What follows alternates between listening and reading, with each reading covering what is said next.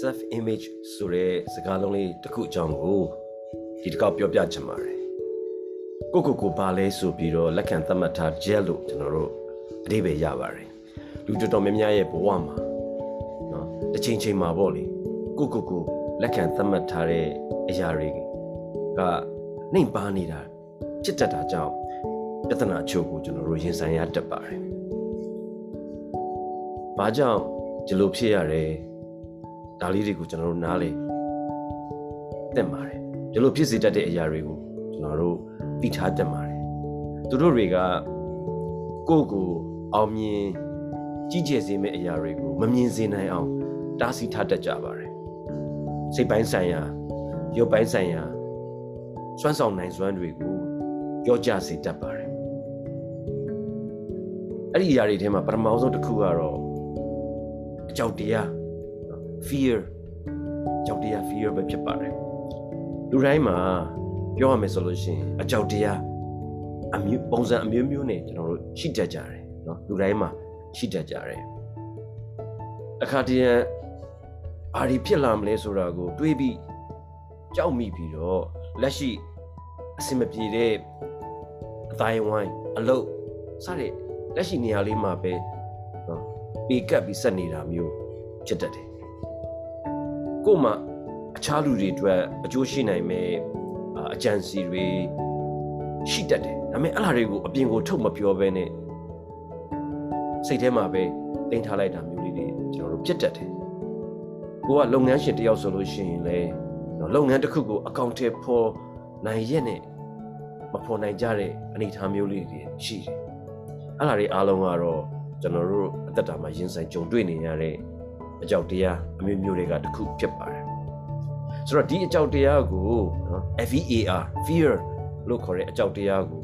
ကျွန်တော်တို့ဘယ်လိုနားလည်လို့ရလဲဆိုတော့ false evidence appearing real ဆိုတဲ့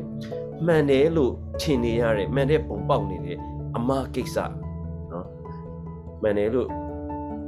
ထင်ရတဲ့မှန်တဲ့ပုံပေါက်နေတဲ့အမှားကိစ္စများဆိုပြီးတော့ဘာသာရေးဆရာချိုးကနေပြီးတော့ပြောတတ်ကြပါတယ် false evidence appearing real နောက်တစ်ခုကကြတော့ဗာလဲဆိုတော့အတိတ်ကအရေးတွေကိုကျွန်တော်တို့မလွတ်တမ်းဖတ်တွေ့ထားတတ်တာပဲဖြစ်ပါတယ်သူကလည်းခုနကကျွန်တော်ပြောခဲ့တဲ့အကြောက်တရားလိုပါပဲเนาะအတိတ်ကအရေးတွေကိုမလွတ်တမ်းဖတ်တွေ့ထားတတ်ကြတယ်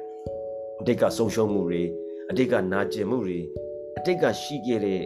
မကောင်းခဲ့တဲ့ဆက်ဆံရေးတွေအပေါ်မှာပဲတဝဲလေလေကျွန်တော်ရှိနေတတ်ကြပါတယ် အဲ့ဒီအရာတွေကအောင်မြင်သင့်အောင်မြင်ချရသားနဲ့ဒီလိုနော်အတိတ်ဆိုးတွေကြောင့်လက်မလွတ်နိုင်တာကြောင့်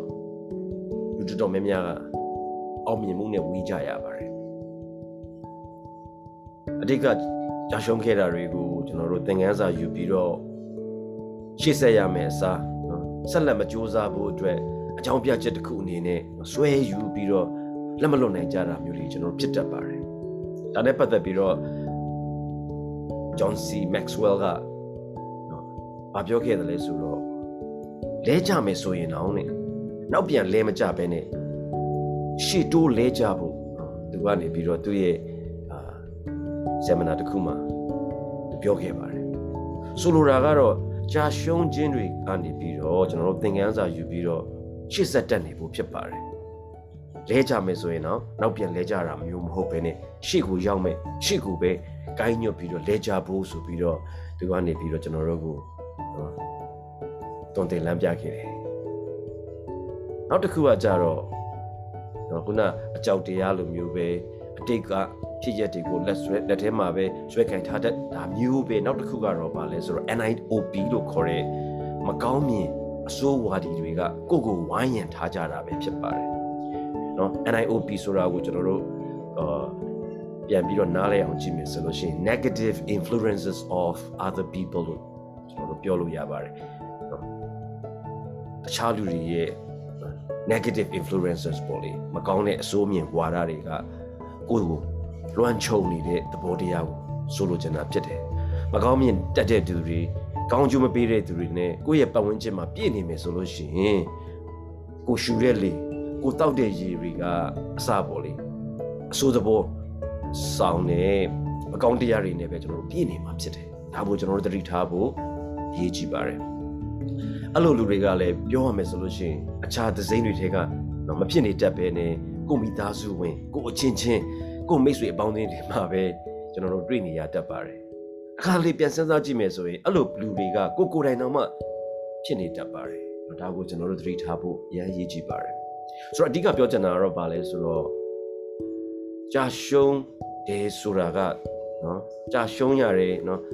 မအောင်မြင်ဘူးဆိုတာကတော့မလွဲမသွေကျွန်တော်တို့ကြုံရမှာပဲဖြစ်တယ်ဒါပေမဲ့တစ်ခါကြာရှုံးသွားယုံနဲ့နော်အဲ့ဒါကကိုယ်မရက်တက်သွားစေဖို့နော်လဲကြရင်တော့မှရှေတိုးလဲကြရင်ဆက်တက်ဖို့နော်ကိုဘာလဲဆိုတာကိုခံယူထားချက်တွေကိုနော်နှိမ်ပါသွားစေမဲ့နှိမ်ပါစေမဲ့ အကြောက်တရားတွေအတိတ်ဆိုးတွေကိုတွဲဖက်ထားပြီးတော့မကောင်းမြင်အဆိုးဝါဒီတွေကနေပြီးတော့ဝိုင်းရန်ခံနေရတာတွေကိုကျွန်တော်သတိထားကြောင်ကျင်ဖို့လိုတယ်ဆိုတာလေးကိုကျွန်တော်ဒီဗီဒီယိုအတူလေးနဲ့ကျွန်တော်အာအားပေးမျှဝေချင်တာဖြစ်ပါတယ်ကျေးဇူးတင်ပါတယ်